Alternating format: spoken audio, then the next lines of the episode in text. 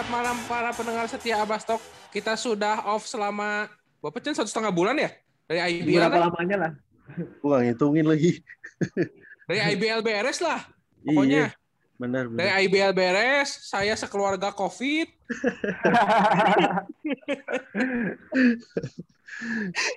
Jadinya kita baru sempat eh, tag hari ini nih. Ini bakal dinaikin malam ya Chen ya? Malam malam malam. Jadi ini eh, Hamin satu sebelum perempat final Olimpik ya boy.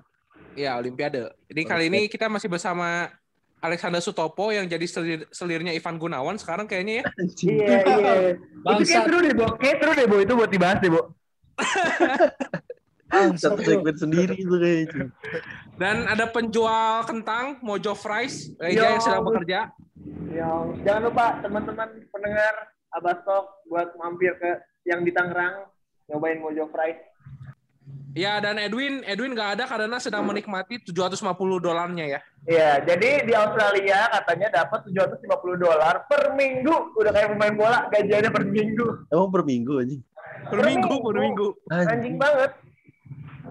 Karena di sana lagi lockdown. Kalau di sini kan lockdown tapi ngomongin PPKM. Iya, jadi jadi gini, Bo. Jadi karena kalau menurut peraturan ya, kalau lockdown itu emang kita harusnya dapat insentif. Cuman pemerintahnya mengubah dari lockdown menjadi PSBB dan PPKM sehingga mereka tidak perlu memberikan insentif Bapak kepada kita Luhut? semua. Bapak Luhut, ini salah apa? Ini ngomongin basket Bapak Luhut ya.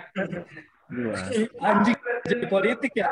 Eh, tipis aja, tipis aja. Ini ngomong-ngomong Ya udah, eh, kita hari ini mau bahas eh, sedikit-sedikit aja sih mungkin dari teman-teman semua yang kemarin nonton eh, fase grup Olimpiade basket, cabang olahraga basket mungkin eh, menonton juga ya beberapa pertandingannya mungkin eh, kita bakal bahas sedikit eh, apa ulasan dan mungkin preview kali ya sebelum perempat final besok tentang penampilan masing-masing negara kali ya Chen ya. Boleh boleh, tapi kayak gak per pertandingan aja kali ya. Iya, ya. per pertandingan boleh, per pertandingan deh. Ada empat ya, berarti ya perempat final ya. Yes. Ini kita mau dari mana dulu nih? Apa dari lu dulu nih? Kayaknya lu udah bahas banyak nih soal Aussie ini. Dalam banget kayak kalau kita lihat di story ya, like ya. Hmm. hmm. Ya, eh, kalau gue pribadi ya, Mills lah, The GOAT. eh, iya itu kan sudah jadi trademark saya ya. Kalau Patty Mills kan ke mana pun dia berangkat saya ikut gitu. Dan kebetulan di Olimpik ini mainnya sangat luar biasa ya. Kemarin eh, tiga penampilan di fase grup, rata-rata poinnya 20, 22 poin per game lah. Kemarin terakhir ada 25 poin, di game pertama 23 poin, terakhir 18 poin ya. Ya. Eh, walaupun di game waktu game apa ya waktu lawan apa ya Itali waktu lawan Itali itu benar-benar kelihatan banget ya Australia itu kalau misalnya Patty Mills-nya dijaga ketat agak sedi- sedikit kesusahan ya menurut gue ya Hmm. kalau misalnya Patty-nya ketinggalan apalagi sekarang nggak ada Aaron Baines yang udah Iya. pasti nggak akan main sampai akhir Olimpiade ya jadi kedalaman skuadnya juga kurang oke lah sebenarnya kalau nggak ada Aaron Baines walaupun ya men- menitnya dia juga cukup terbatas ya dibanding Nick Kay sama Jock Landell itu Iya. eh, Baines itu lumayan lah walaupun nambah-nambah 15 menit cuma kontribusinya cukup lumayan gitu eh sekarang match lawan Argentina ya cukup beruntung sih menurut gue ya lawan Argentina karena gue nonton Argentina dari exhibition match terus eh, sampai tiga game kemarin lah. Cukup ini sih cukup mengkhawatirkan juga penampilan dia. Dia juga cukup hoki ya menurut gue lolosnya karena Ceko-nya juga kalahnya 30 poin kemarin lawan Amerika kan. Jadinya eh beruntung lah menurut gue Argentina bisa lolos ke perempat final gitu. Iya, iya, iya, setuju, setuju, setuju. Nah, Tapi- terus kalau ngomongin Argentina nih, Bo. Kan tadi bahas eh, Australia eh, sama Argentina kan. Nah, Argentina nih ada satu veteran kan, literally veteran kan. Luis Scola, 41 tahun. Bener nggak? Betul. Nah, ya ini menurut lu semua nih, Luis Scola di 41 tahunnya, dia masih bisa kontribusi sebesar itu. Menurut lu bakal bisa bertahan sampai kapan nih Luis Scola ini? Mungkin agak sedikit menjurus ke Luis Scolanya aja nih, belum ke Argentinanya secara keseluruhan.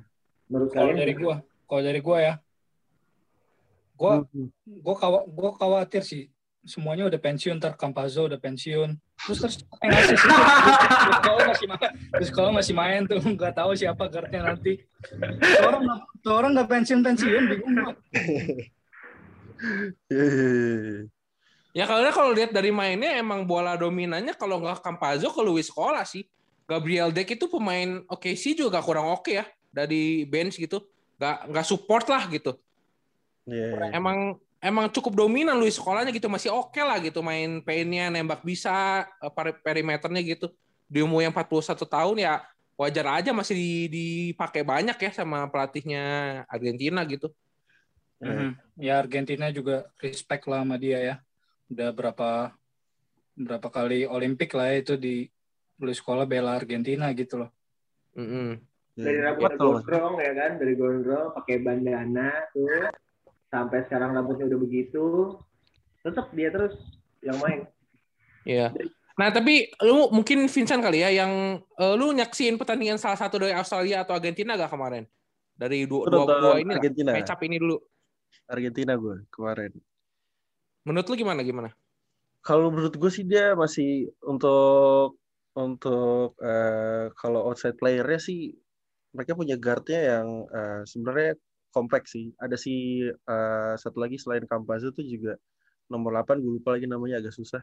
Tapi dia eh, punya akurasi tembakan yang bagus juga. Maksud gue selain ada selain kalau misalnya Campazzo jadi eh, mati eh, pick and roll Campazzo sama si sekolah mati ada beberapa shooter yang bisa diandalkan juga. Tapi kalau misalkan eh itu semua off bench player sih menurut gue kurang banget sih. Buat ngadepin si Australia nantinya karena gue lihat Australia lengkap banget sih. Ada Mati Stable Hmm.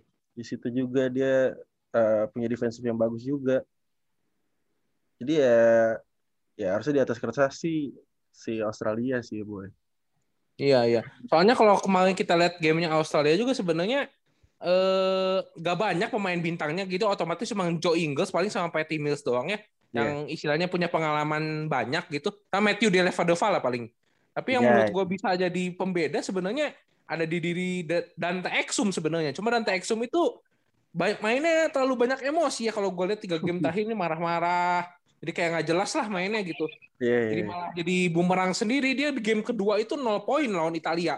Hmm. gara-gara waktu itu ya dia di press abis sama si Fontecchio itu nomor yang shooternya Italia itu yang top skornya Italia sekarang. Iya, iya. Yang MVP yang MVP di kemarin ya boy.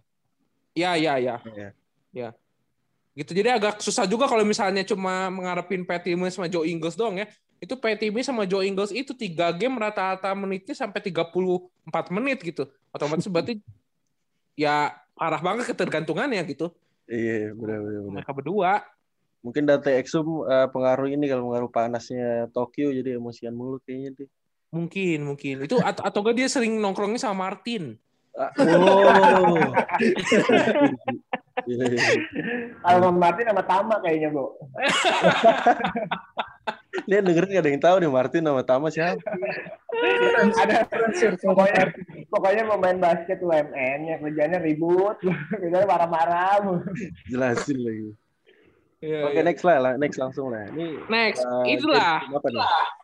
apa mau bahas siapa dulu Slovenia dulu kali ya soalnya Alex sama Reja kayaknya pendukung in Doncic nih Doncic Boleh, boleh, boleh. Oh iya gua gua di sini emang cuma buat bahas Slovenia sih sisanya gua diem. Boleh, boleh, boleh, boleh. Slovenia lawan Jerman nih. Sisanya gua nggak ngerti. Gimana? Like Slovenia sama Jerman nih menurut lo? Menurut gua beda beda double digit lah menang Slovenia. Gue cukup gue cukup yakin gue cukup yakin sih. Enggak tapi gua agak bingung sih sama sama FIBA gitu ya. Kadang Slovenia yang di post pasti Doncic dan Doncic gitu. loh. Padahal di game di game kemarin, di game kemarin yang kemarin lawan siapa sih yang menang itu? Spanyol. Oh, lawan Spanyol, lawan Spanyol sebenarnya yang kontribusi banyak sih menurut gue Flatko Cancar ya daripada Setuju. Doncic. ya. Pemain mana yuk Fatko Cancar Denver. iya Yo, i. Gua Slo- udah Gue Udah riset Slovenia ya? banget bu orang ya. parah parah Oh. Lu riset, banget tuh ya full of riset tuh ya gue lihat-lihat Iya, Kelihatan sih. Like. Hmm, gue Berarti- berarti nama lu harusnya Alex Sutopox Oh, i. Yo, i. Kopinya di atas gitu. Tapi di sana mentok jadi apa ya, Bu? Itu kali ya, yang ngandukin Doncic kali ya. mau gua Doncic gimana? gak apa gua ya maksud gue di di Slovenia ini sih Doncic tanpa ada Doncic pun juga terbukti ya maksudnya tim Slovenia juga juga bisa gitu loh bisa apa namanya bisa fight lawan tim lain gitu Ya, ya. kayak kemarin lawan Spanyol kan Doncic udah fall 3 tuh di quarter 1 tapi pemain-pemain yang lainnya tanpa ada Doncic sih tetap bisa mempertahankan skornya sih menurut gua.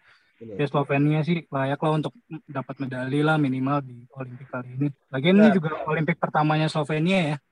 Iya. Ya. Terus kedua ini sih Lex kalau menurut gue ya. Si Doncic ini kan pernah bilang kan di saat dia transisi dari Liga Spanyol tuh Liga Endesa ke NBA, dia bilang eh, buat nyetak skor di NBA itu lebih gampang dibandingkan untuk Liga Eropa ya kan. Dia bilang gitu kan. Nah, ternyata ya emang kejadian juga di Olimpiade ini.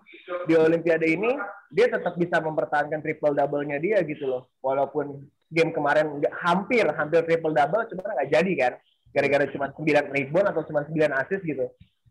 Nah, berarti emang bener nih. Berarti emang bener emang dia beneran jago di umur segitu yang emang bisa bener-bener carry the team dari lu carry Dallas Mavericks sampai lu carry timnas tim negara lu juga gitu loh. Berarti emang ya dia verified lah menurut gua buat jadi All Star Hmm. kalau menurut gue. Malahan, malahan ada malahan ada ada gosip-gosipnya sih semua tim Dallas Mavericks yang ditukar ya sama semua pemain Slovenia ya. tim Slovenia aja main di NBA anjing. Umur dari mana itu? Oh, berarti nanti Dallas Maverick nerima ini Zoran Dragic, adiknya Iya, si. Goran. Iya. Nowitzki udah enggak eh Nowitzki lagi. Apa namanya? Mulu. Ya, apa namanya? Porzingis. Porzingis udah enggak ada tuh. Ya, udah dia, dia main di Latvia ya. Ya, tapi kalau gua bisa bahas dari sisi Jerman ya, Jerman ini sebenarnya di awal waktu lawan eh, Italia itu cukup menjanjikan ya pas gua nonton eh, dia lawan si Manion itu ya. Cuma eh udah dua pertandingan terakhir ya Lord Lord Wagner itu enak juga ya nggak bisa nggak bisa ngebimbing tim ya malah menurut gue ya. Si Wagner walaupun ya umurnya masih muda juga sih si Moritz Wagner itu. Malah yang bagus itu nomor 42-nya ya yang kemarin gue lihat yang cukup dominan gitu mainnya. Eh Maxi Kleber siapa? bukan ada nomor 40 siapa ya namanya kemarin pemain Euroleague juga gitu.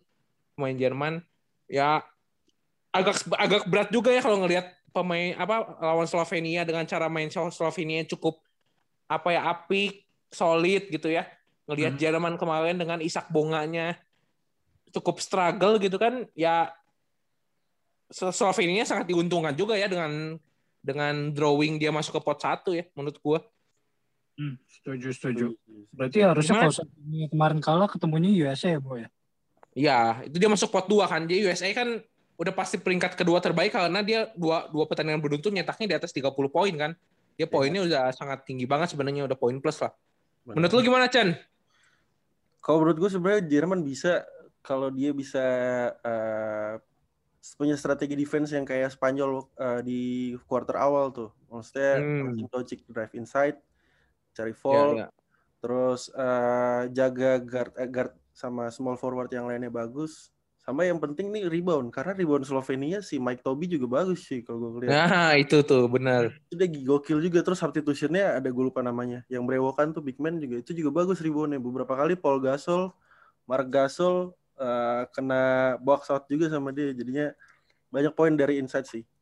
Itu sih harusnya kalau gue lihat. Itu tapi gue pengen nanya deh, itu si Mark Gasol itu kebanyakan temenan sama si Jokic zaman dulu dah kayaknya anjing. Badannya kenapa jadi begitu dah? Iya, iya. Jadi gede. Gemuk-gemuk gitu ya. Iya, jadi bukan gede gede sekal jadi gede lemak gitu anjing. Iya, iya. tapi kalau dibanding yang dulu yang Olimpik 2008 tuh Oh iya, gede banget deh. jauh ya. Heeh.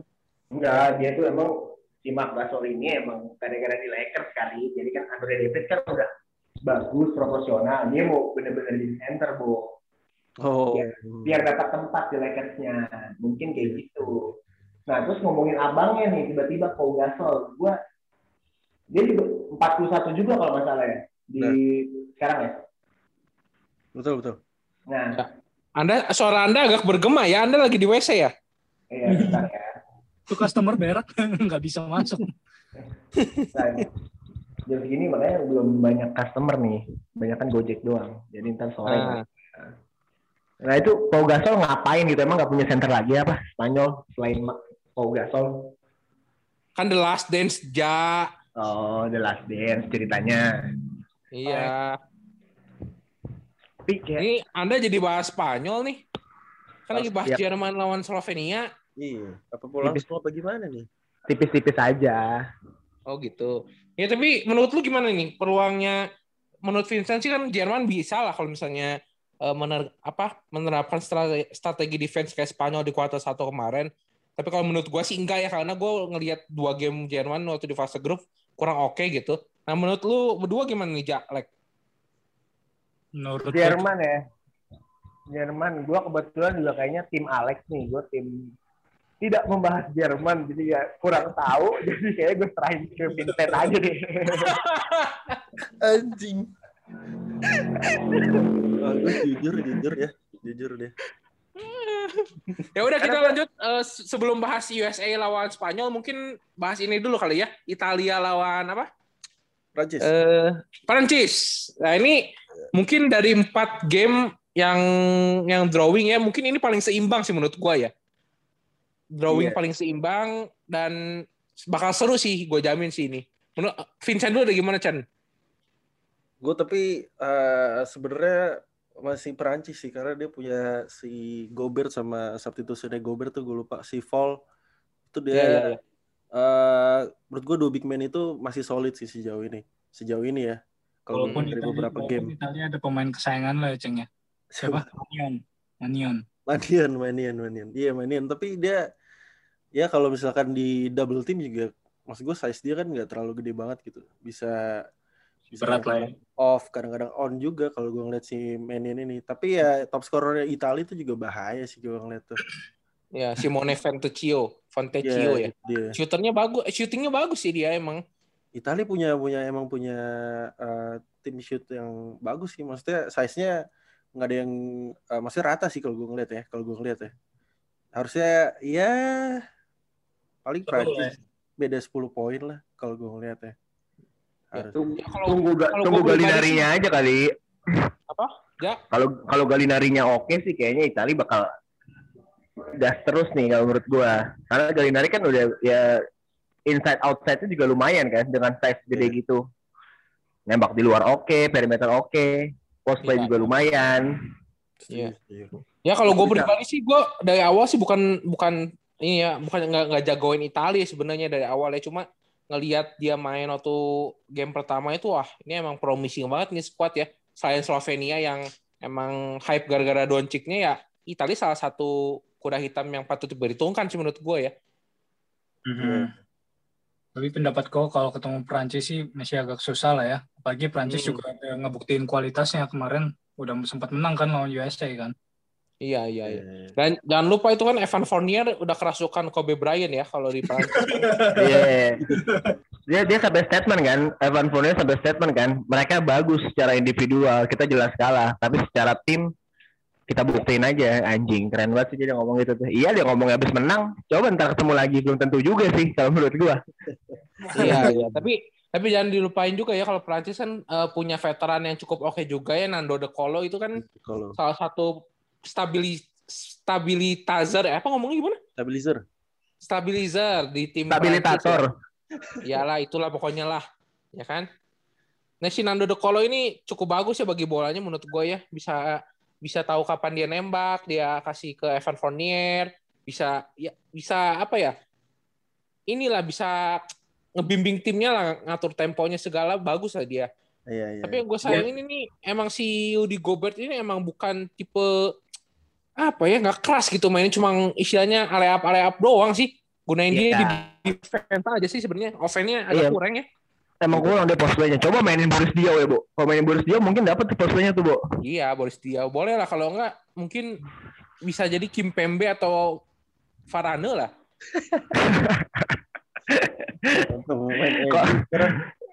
Kalau Mbappe sih kayaknya enggak sih bu ya kecilan dia size-nya bu ya ya Mbappe udah miss penalti kan dia. Ya tapi Prancis masih ada itu kan Nicolas Batum nggak sih? Masih. masih Nicolas Batum masih oke dia Masih oke. Tapi sayang sih kalau gue ngeliat si Frank Tilikina sama pemain Brooklyn tuh si Luau Kabarot, gue pikir dia bisa stand out gitu. Padahal jadinya biasa aja sih. Apa ketutup? Menit menitnya juga nggak banyak, Chen. Soalnya. Iya. Apa karena ketutup si Fournier sama si Nando ya? Mungkin ya, soalnya Nando sama Fournier emang dominan banget sih. Bolanya ke mereka semua, kalau gue Iya, lihat ya. iya. Itu dia. Ya semua jadi beda lah ya. Kalau di internasional di NBA juga beda. Kalau gue ngeliat. Beda, beda. Makanya makanya gue cukup cukup surprise juga ya kalau misalnya eh nggak nggak surprise juga gitu kalau misalnya Italia nanti bisa ngalahin Prancis ya dengan performa solidnya gitu. Iya, iya. Walaupun ya Prancis cukup oke juga di tiga pertandingan grup, nggak pernah terkalahkan gitu. Ya nggak kaget lah kalau misalnya mereka nanti kalah gitu. Benar, benar, benar. Ya, ini kita mending langsung eh, menuju ke tim yang sangat berbeda nih, Bu, dari NBA dan menuju ke internasional sangat kagok kayaknya nih kalau gue lihat nih. Iya. Kagok. USA lawan Spanyol. USA, USA. Ini siapa dulu nih yang mau? Lu aja Chan, lu. Lu kan. Spanyol katanya lu. Boleh, boleh, boleh. Kalau gue sih lihat, sebenarnya gue masih pengen lihat eh, Amerika bisa eh, ini sih, bisa kasih perubahan lah, adjustment di dalam eh, apa offense-nya gitu. Kalau lihat, ya masih gitu-gitu. ya. Kalau Lillard mati ya udah, kalau Durant mati ya udah gitu loh. Jadi sementara si kalau dari sisi Spanyol si Rudy Fernandes masih oke nembaknya Rick Rubio juga lagi gila beberapa kali. Terus eh, Marc Gasol sama Rick Rubio maksud kalau gue ngeliat eh, passing-passingnya juga oke. Ya kita lihat lah nanti bakalan kayak gimana. Kalau gue lihat sih kalau misalkan USA main individual maksudnya ngandelin kayak eh, man to man di menit di detik-detik akhir susah sih kalau ngelawan Spanyol yang sangat main dalam tim sih kalau gue ngeliat. Ya, gue juga ini ya, mungkin gue lebih impress ke ini ya, Victor Claver ya, nomor 10 itu cukup Hmm. bagus lah menurut gue dia eh, bisa bisa istilahnya bisa jadi opsi kedua lah kalau Ricky Rubio mentok gitu. Soalnya kalau gue lihat perhatiin ya Spanyol tanpa Ricky Rubio tuh kayak apa ya? Kayak nggak ada kayak kayak kopong aja gitu timnya. Iya, Jadi iya. kayak nggak ada yang ngelit aja. Iya Rodriguez kalau jadiin substitutionnya pas jadi substitutionnya si Rubio juga eh, kurang nggak tahu kurang berani atau tipe permainan yang berbeda tapi agak mentok aja sih offense buat bench playernya si Spanyol ya. Iya iya. Kalau Ini dari Spanyol mungkin Alek atau Eja mau ngomong? paling kalau gue dari Spanyol gue sempat eh, hampir setuju sama statement lo soal Ricky Rubio dan kekopongan tim Spanyol itu sih. Tapi cuman soalnya gue liatnya Ricky Rubio nih kayak kayak Chris Paul sekarang di Phoenix Suns ngerti nggak lo? Kayak hmm, iya kalau nggak ada Chris Paul itu kalau nggak ada Ricky Rubio ya bi- bisa dibilang bingung. Malah ntar jadinya kayak USA gitu. Nggak ada yang ngelit timnya nggak ada yang ngatur serangan ya udah. Malah takutnya individual individual dan secara individual Spanyol juga nggak begitu bagus maksud gua di basi di bawah USA lah jelas di bawah USA dan mungkin Slovenia mungkin ya rata-rata lah. Jadi emang Rubio, Ricky Rubio nih ibaratnya harus nyatuin jadi satu kesatuan gitu loh. Dia tugasnya dia jadi seorang playmaker lah menurut gue bukan jadi seorang point guard. Nah kalau menurut gue gitu. Karena di sisi point guard mungkin ada beberapa nama yang bisa jadi scorer dan bisa jadi icebreaker. Tinggal si Ricky Rubio gimana caranya ngelit timnya ngatur timnya bisa jadi sebuah satu kesatuan yang solid itu sih buat eh, ngalahin tim sekelas Slovenia ataupun USA kalau menurut gua Iya iya. Nah, gue bisa nambahin juga ya mungkin kalau bench player-nya Spanyol eh, kemarin rotasinya kalau gue perhatiin ini cuma 8 orang yang main istilahnya lebih dari lima menit gitu. Gak oke juga sih kalau Rubio-nya nggak ada di lapangan gitu. Apalagi pas lagi kalau misalnya kan Gasol starternya sama si siapa ya? Eh, pemain empatnya tuh. Gasol Mark, sama siapa pemain Gasol. empatnya? Iya, Mark Gasol, Mark Mark Mark sama siapa yang main empat? eh digantinya sama si Pau. Terus yang main empatnya si 19 tahun itu si Usman Garuba ya. Itu Hmm. hancur banget loh. Kalau menurut gua kalau misalnya mereka main berdua ya Usman Garuba sama si Pau Gasol ya. Mungkin gak nyambung juga kan itu om-om sama adik-adik gitu kan. Iya benar. Iya, nggak masih nyambung juga gitu. 18 ya? 19 Usman Garuba tuh 19 pemain Madrid kan. Apalagi dia Madrid sama Barcelona lagi. Gak nyambung kan. Iya. Jadi gak nyambung. Nah, emang ke Barcelona gitu. kayaknya, Bo. Barcelona emang susah buat ini adaptasi sama tim lainnya dia. Iya, jadi maksud gua itu maksudnya apalagi pas lagi rotasi dari eh, first line up gitu udah mau ke second line up-nya gitu menurut gua cukup timpang lah apalagi kalau misalnya Ubio nggak main, Uri Fernandes nggak main. Wah, Ya, ya, ya. Itu ada mantan pemain oke sih cukup oke sih Alex Abrines itu oke Abrines. lah. Iya. Itu oke lah menurut gua. Nah, Doi.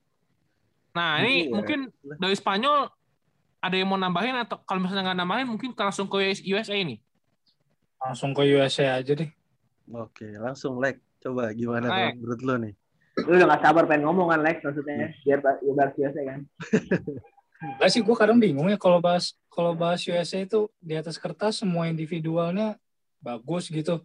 Maksudnya masing-masing posisi, masing-masing posisi ada ada pemain terbaiknya lah gitu. Cuman ya nggak nggak tahu aja sih kenapa selama di Olympic dan exhibition ini berantakan banget kayak pas lawan Nigeria bisa kalah kan itu eh, mengejutkan sekali ya. Maksudnya ngelihat USA bisa kalah waktu lawan Nigeria kayak gitu loh. Mungkin untuk USA kalau lawan Spanyol sih cuma butuh itu aja sih ya maksudnya kekompakan tim ya maksudnya tahu posisinya masing-masing lah untuk main soalnya kan juga kalau mau dibilang kalau mau dibilang dari semua posisi ya udah USA di atas kertas lah. Di atas Spanyol dari big man juga Pau Gasol juga udah tua Mark Gasol juga udah nggak seprime itu loh gitu. Dan USA masih punya Adebayo sama McGee gitu kan. McGee Hmm. juga cukup oke sih maksudnya untuk defense defense gitu ya oke banget gitu loh. Setinggi itu maksudnya harusnya bukan halangan sih buat ngejaga seorang Pau Gasol yang udah umur 41 gitu ya mungkin Iya. dari kalau dari gue udah cukup sih Ya. Mhm. Ya, kalau kalau dari gua mungkin ya, kalau dari gua ini eh, imbas ya, menurut gua imbas dari eh apa ya, dari 2019 eh, mungkin dari Amerikanya sendiri nggak belajar ya menurut gua ya. Eh, kelihatan dari 2019 sudah ada penurunan performa, apalagi yang ngelatihnya Greg Popovich sudah udah, udah pernah bahas juga gua di story waktu itu. Iya. Eh, mungkin dari segi tactical offense juga kurang oke.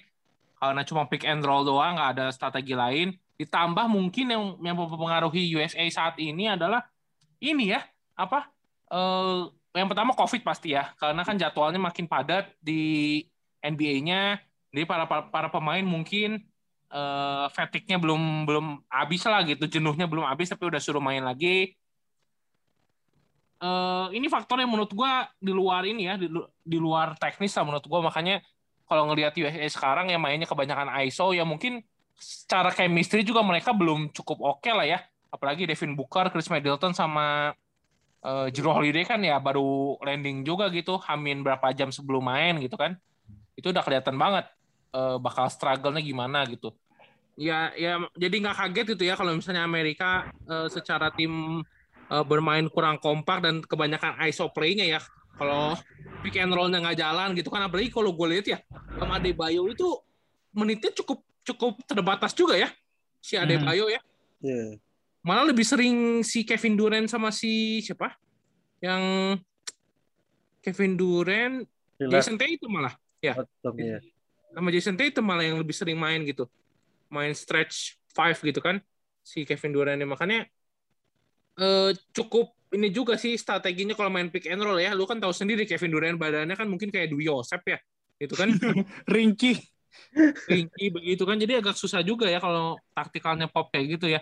Dan dan beruntungnya mungkin USA punya Damian Lillard yang shooting range-nya cukup jauh lah berbeda sama sama orang-orang Spanyol ya kalau gue lihat ya.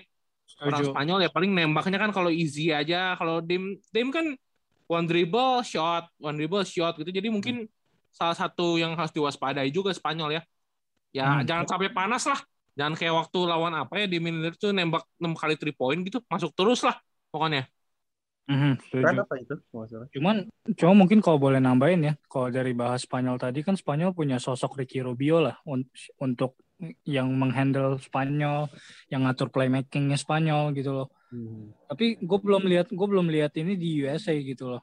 Walaupun walaupun ada guard-guard sekaliber starnya NBA, cuman di setiap game USA gue belum lihat sih maksudnya ada guard yang sekaliber untuk gue ngatur nih nih tim mau bawanya ke mana gitu loh Rata-rata Iya, kalau iya. udah kalau rata-rata kalau udah buntu ya udah jawabannya iso play gitu. Kalau wangi ya syukur gitu. Kayak kemarin yang game terakhir USA lawan siapa tuh?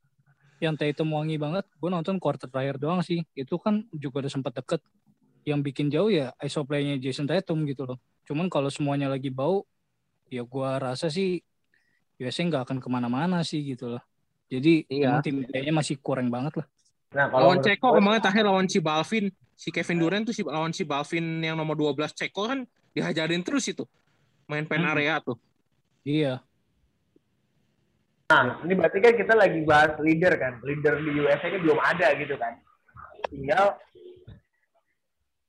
tinggal ya menurut gue satu orang ini sih satu orang ini kira-kira siapa yang bisa ngelit tim USA ini kalau menurut gue. Dan gue cukup berharap sama Draymond Green kalau menurut gue harusnya buat ngelit tim USA. Karena secara umur juga udah cukup eh, senior gitu kan, cukup senior dan dia sempat berada, sebenarnya dia sempat berada main bareng Splash Brother gitu kan sama Curry sama Klay Thompson. Itu aja bisa mampu gitu buat ngebawa tim. Walaupun dia emang bukan scorer ya, tapi justru karena dia bukan scorer dan bisa ngatur gimana caranya Curry sama Klay Thompson itu bisa dapat play yang bagus, bisa dapat ruang tembak yang enak, ini harus diaplikasiin ke USA gitu kan. Secara shooter-shooter USA kan ya dia mostly semuanya bisa nembak gitu kayak ada Damian Lillard, ada Devin Booker, Chris Middleton kayak gitu-gitu.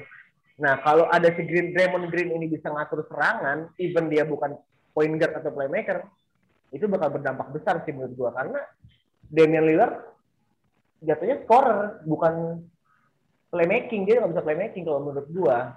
Jadi menurut gue jawabannya ada di Draymond Green sih, kalau menurut gua ya. Iya, iya. Soalnya emang emang kalau misalnya Damian Lillard juga kan di Portland juga bukan yang sering bagi bola sering ya, maksudnya bagi bola kanan kiri depan belakang gitu kan kalau Damian Lillard tipenya gitu. Mungkin kalau misalnya selain selain, selain Draymond Green mungkin yang bisa ngelakuin itu ya kalau nggak Devin Booker mungkin Jrue Holiday kali ya yang bisa Hmm. ngelakuin gitu. Setuju. Tapi memang ya bisa sih, cuman nggak spesial di di bagian itu ya boy ya susahnya ya. Iya, iya. Devin, Devin Booker kan juga bukan playmaker banget kan. Di Iya, Suns Dia, wakil dia, dia scorer dia, menurut gue dia scorer. Dia udah Iya, yang bisa yang bisa ngisi kekosongan itu menurut gue cuma Draymond Green. Karena ya lu nembak juga tembakan lu nggak gitu bagus gitu kan? Post play juga nggak begitu gimana gimana nah tinggal cara lu eh, bikin seluruh tim USA itu satu jadi satu kesatuan itu kalau menurut gua. Kasih Damian Lillard ruang tembak kasih Kevin Durant di dalam bikin mereka Hmm. leluasa lah kayak lu zaman lu main di GSW 2015 2014 16 aja kalau menurut gua sih. Mungkin lebih tepatnya butuh LeBron kali ya. kalau ada LeBron sih udah selesai. Kalau ada LeBron selesai Gue liatnya kadang. Anjing nembak semua. iya iya bener ya. Solusinya gampang banget sih gimana? Udah LeBron udah. Selesai anjir. Ya cuman ya malah Javel McGee Kan kan ada opsi menolak kalau pemain Amerika itu ada opsi menolak untuk ikut Olimpiade. nah, Jadi itu. mungkin- Ya LeBron juga udah tahu udah tahu diri lah dia umur udah berapa kemarin aja kan dia ngeluh. Dia udah nggak mungkin bisa balik ke performa apa? Oh, Kayak kayak, Yang- kayak dia dulu gak ada cedera itu yang ankle itu kan. Jadi mungkin ya dia ditawarin juga nolak kan kayak Steph Curry juga nolak gitu. Ya itu pilihan Iya. juga gitu. Lu gimana Chan? Menurut lu Chan? Gue sebenarnya gue mirip kayak Reja sih. Perlu si sosok Draymond Green itu.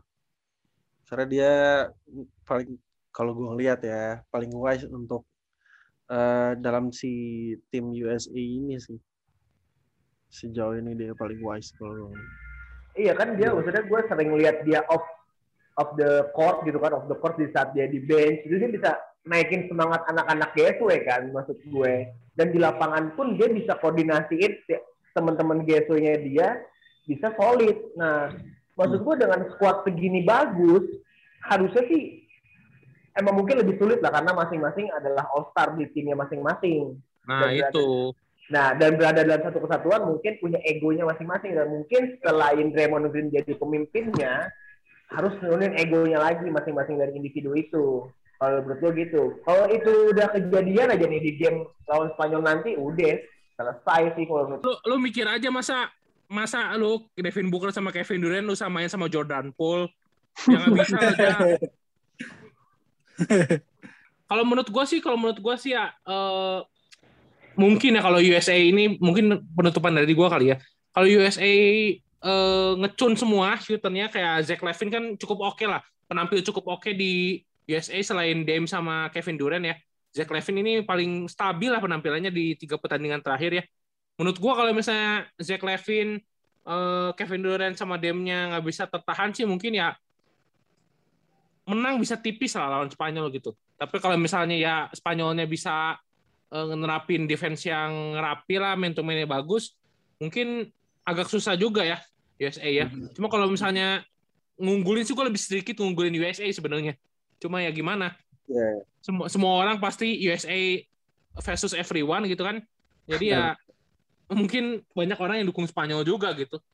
Ya, ya, ya.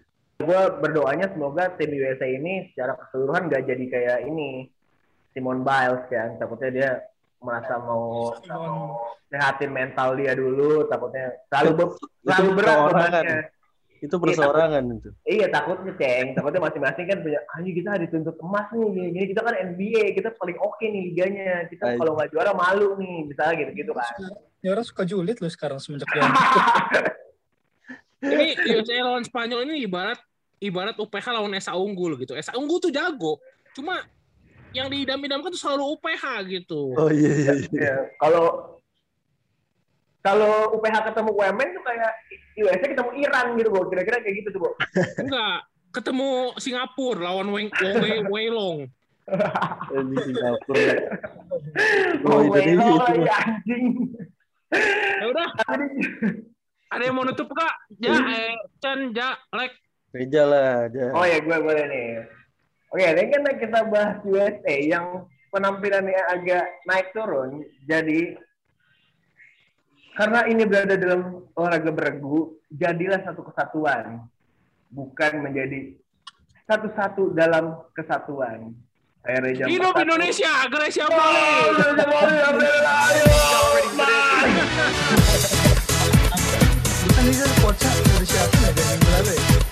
Ini muncul di kepala gue